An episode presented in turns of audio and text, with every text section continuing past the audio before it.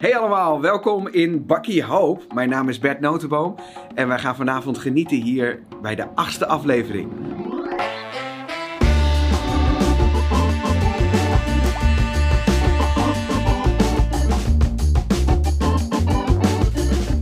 Nou, welkom bij deze aflevering van Bakje Hoop. Bij mijn tafel is aangeschoven Bert Notenboom. Nou, Bert, we gaan gewoon meteen eh, van wal eh, steken. We gaan los.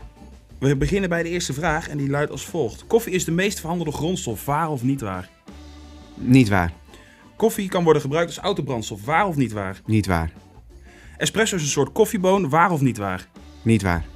Na hoeveel minuten doet cafeïne al de eerste werking? A 5, B 10, C 15. Bij mij vijf.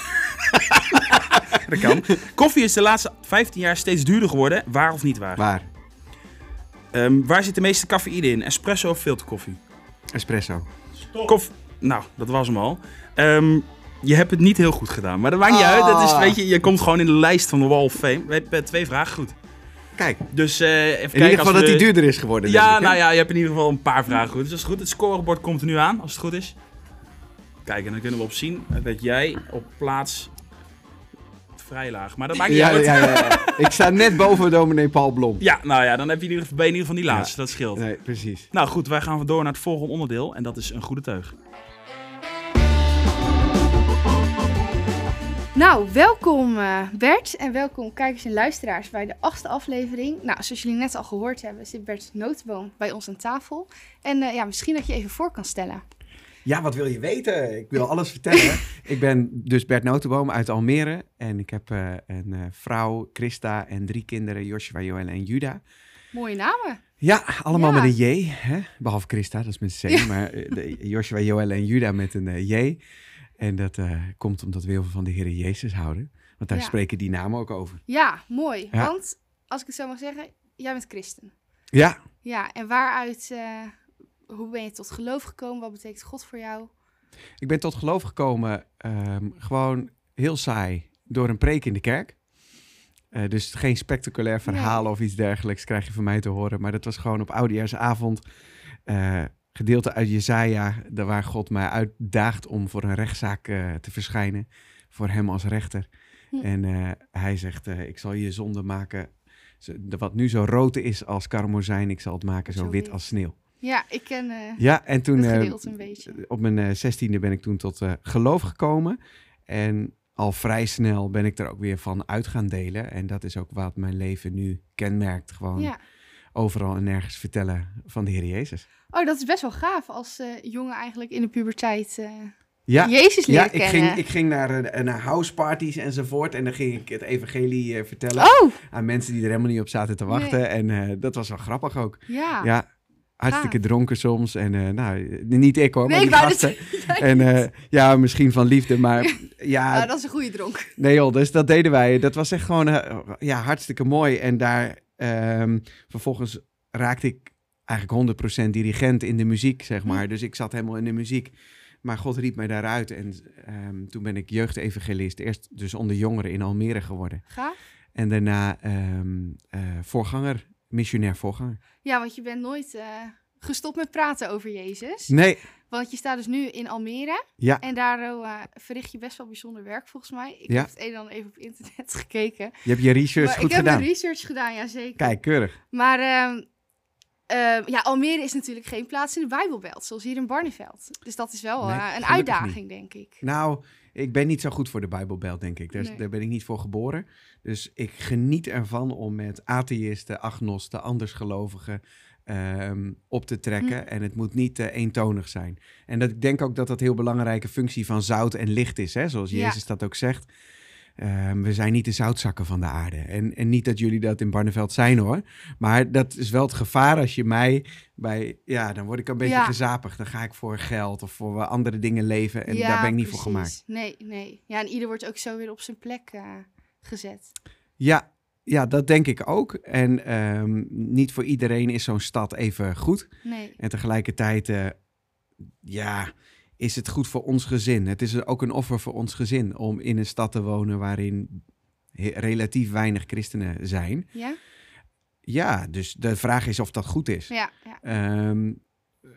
maar ja, wij, wij hebben de, de Heer Jezus mee, dus dat is alles. Ja, en we zitten daar nu alles wat je 15,5 nodig hebt. jaar. En dat is gewoon een zegen. Ja, gaaf. Ja. En als je terugkijkt op die 15,5 jaar, wat is dan het meest bijzondere misschien wat je meegemaakt hebt? Een ontmoeting of iets van God?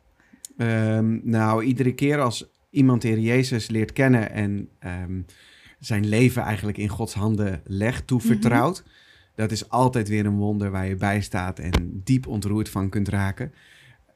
Maar ja, we zitten in een bevoorrechte positie in, in Almere dat de Heilige Geest heeft gegeven dat niet één iemand tot geloof kwam, niet tien, niet twintig, maar dat we gezien hebben dat veel meer mensen de Heer Jezus leerden kennen in de achterliggende tijd.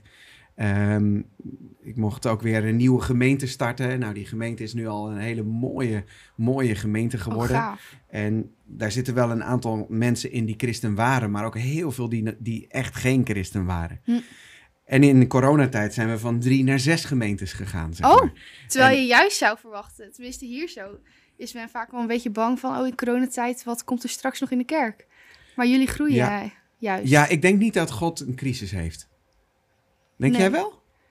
Zou God last hebben van de coronacrisis? Nee, ik denk, denk het zelf niet, maar het is natuurlijk gevaarlijk. Maar je hoort zeg maar heel praktisch om je heen wel gewoon van mensen die zeggen van, nou, ik ben toch wel benieuwd nu kerken niet meer doorgaan, in hoeverre je jongeren nog vasthoudt of dat ze straks nog in de kerk komen. Ja, maar God heeft Maar- daar geen crisis van, toch? Nee, ik geloof het niet. Hij zal dat niet. eh, Nee. Niet en, zo doen. En, en er komt nu naar buiten wat erin zit. Of je uit traditie iets deed. Ja, dat is zo. Als of die gewoon- van binnen. Als, ja, of dat ik iets verlang van binnen. Ik zie Ja. heel veel mensen, zie ik juist in Almere lopen met een heel groot verlangen Hm. in hun hart, zeg maar, om het hogere God, dat moet er zijn, zijn ze. Ja, Maar om dat dan te leren kennen, ook ehm, spiritisten of zoiets, weet je wel, die in Ja. de paranormale lijn ehm, dingen doen.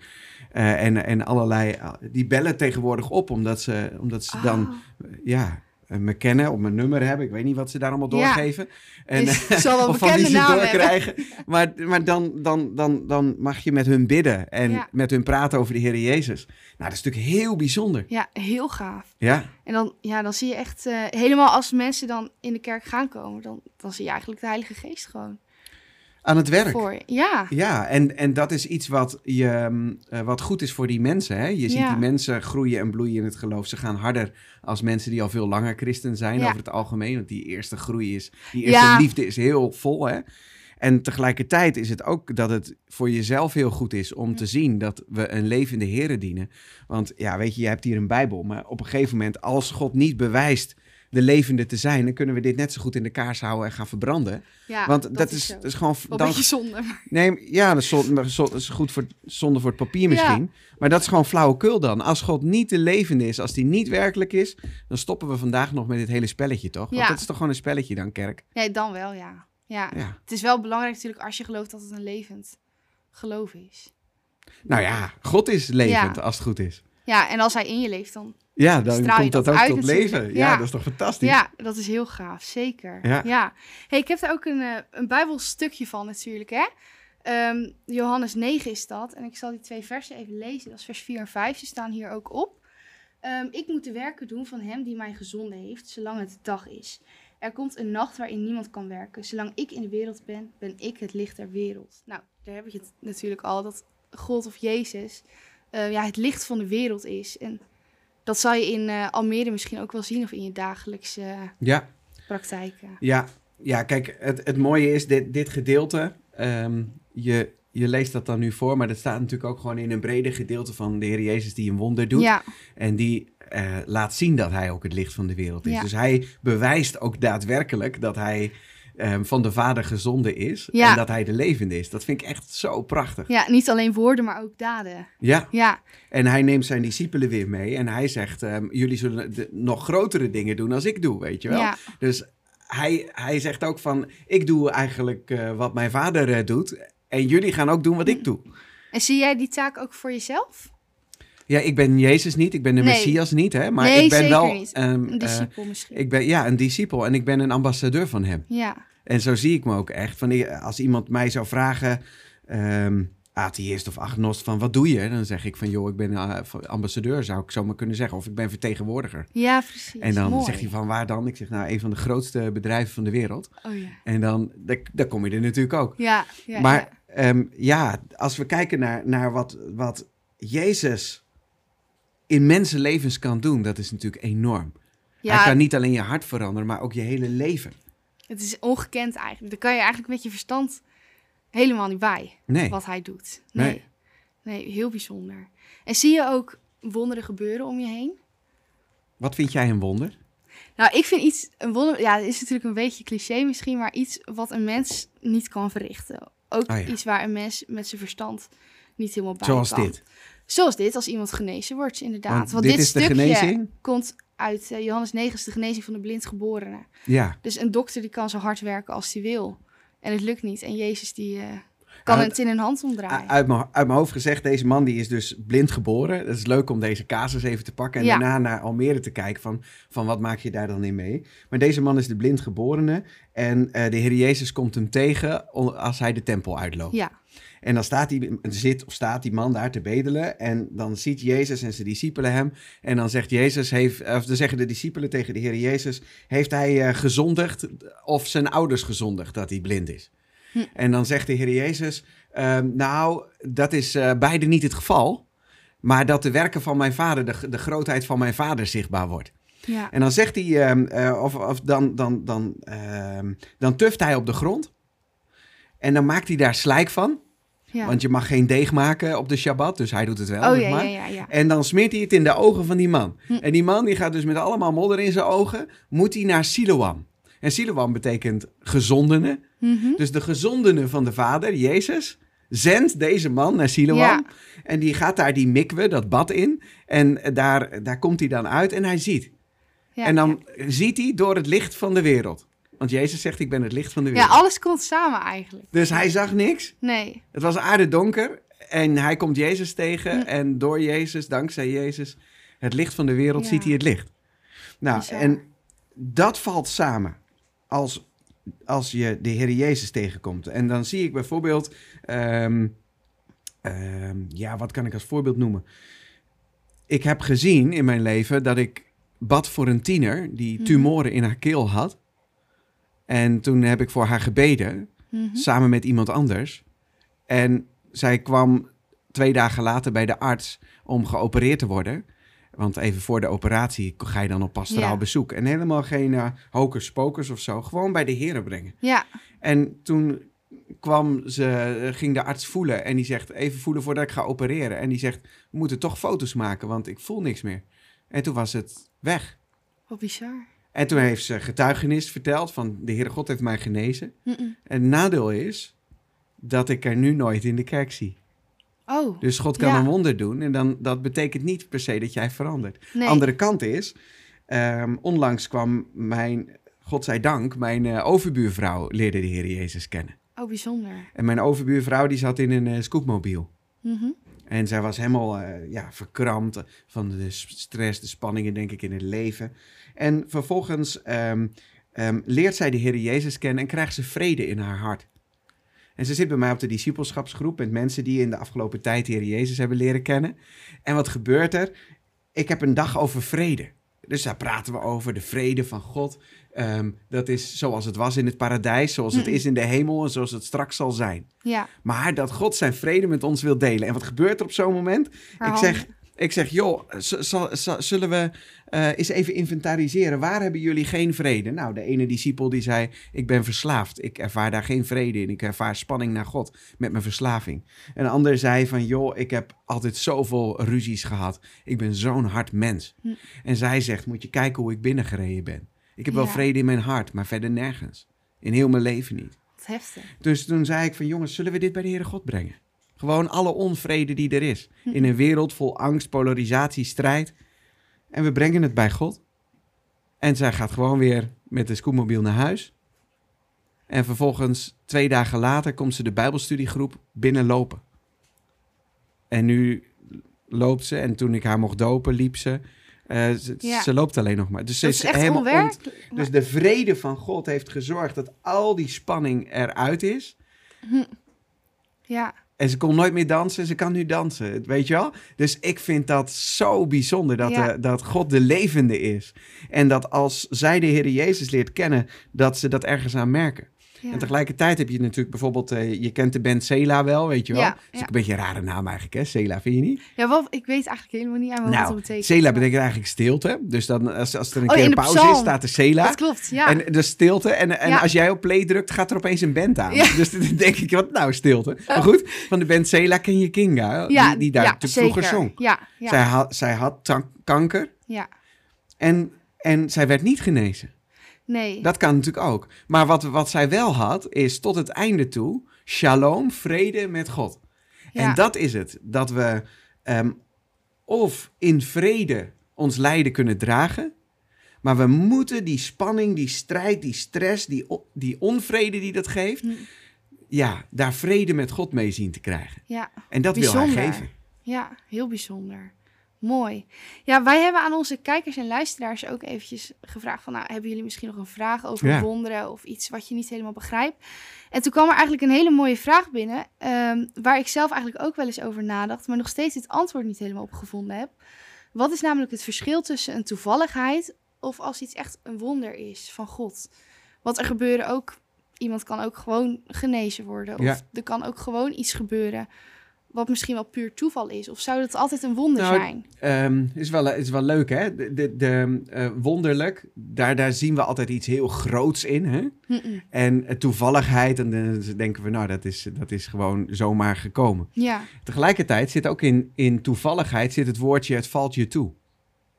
oh ja, als je on... Ja, Dus, het, dus het is de genade van God dat het jou toevalt. Ik denk dat alles genade is. Hm. Het feit dat ik adem, het feit dat we hier gezond kunnen zitten, eh, eh, dat, dat is ook al wonderlijk. Ja. Wonderlijk zijn uw werken. Eh, wonderlijk is het als ik in de schepping kijk en denk, wow, dit is echt zo fantastisch mooi. ja, Wonderlijk is als ik een babytje zie.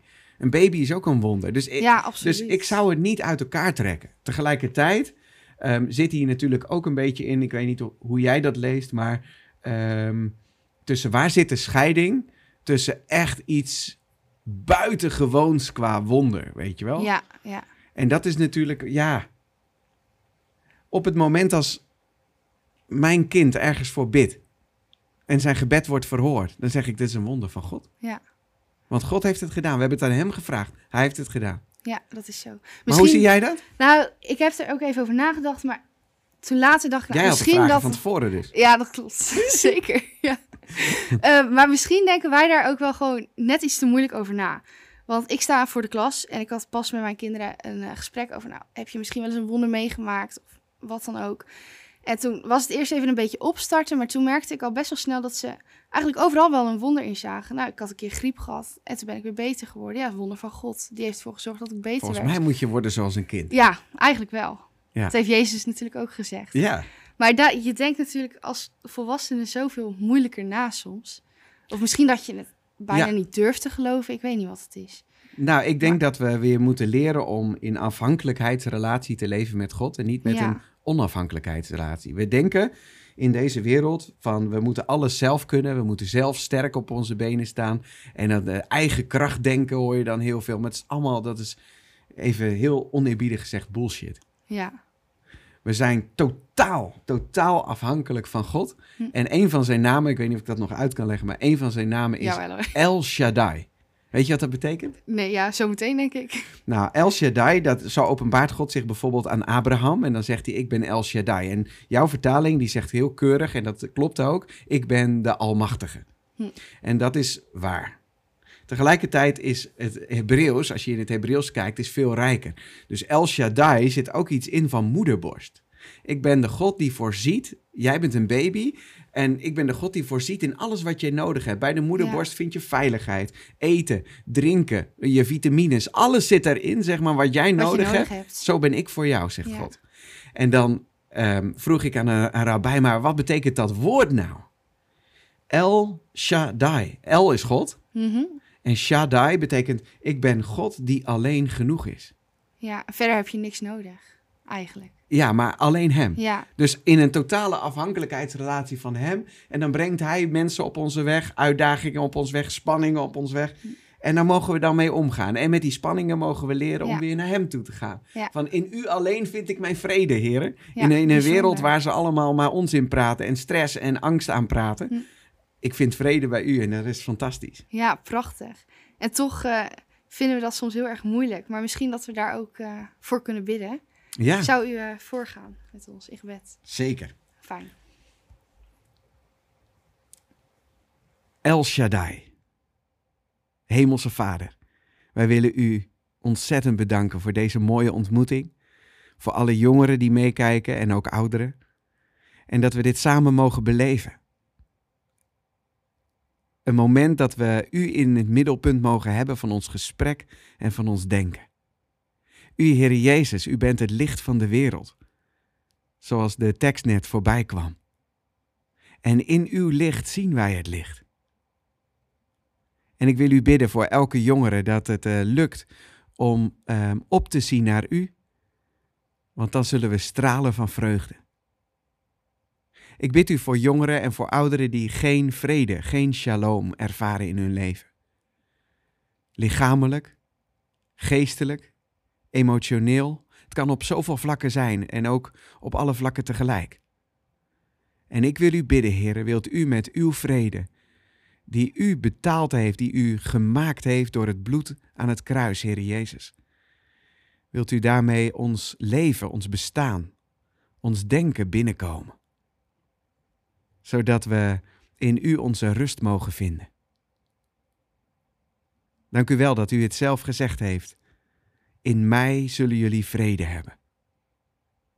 Heer, en dat willen we u bidden in deze tijd. Ons aan u vasthouden. U, de onuitputtelijke God, die alleen genoeg bent. Wij vinden ons genoegen in u. Dank u wel voor dit machtig mooie initiatief. En ik bid u, heren, dat ehm, ja, we met elkaar hier hoop uit mogen putten. Zegen het in uw machtige naam. En geef dat we deze zegen weer door mogen geven aan anderen. Amen. Dankjewel. Laten Graag we gedaan. doorgaan naar eh, een bakje to go. Nou, we zijn bij het laatste onderdeel aangekomen, een bakje to go. En eh, we hebben natuurlijk net een ontzettend mooi eh, gesprek gehad en een gebed. En heb je nog een lied wat je ons mee zou willen geven? Nou, Bakkie Hoop.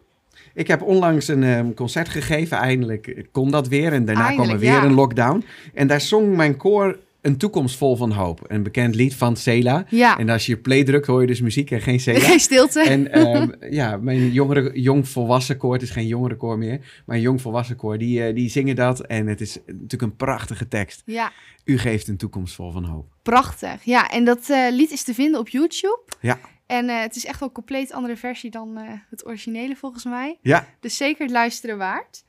En eh, dan willen we jullie natuurlijk bedanken voor het kijken en het luisteren naar deze aflevering. En tot de volgende keer. Joe!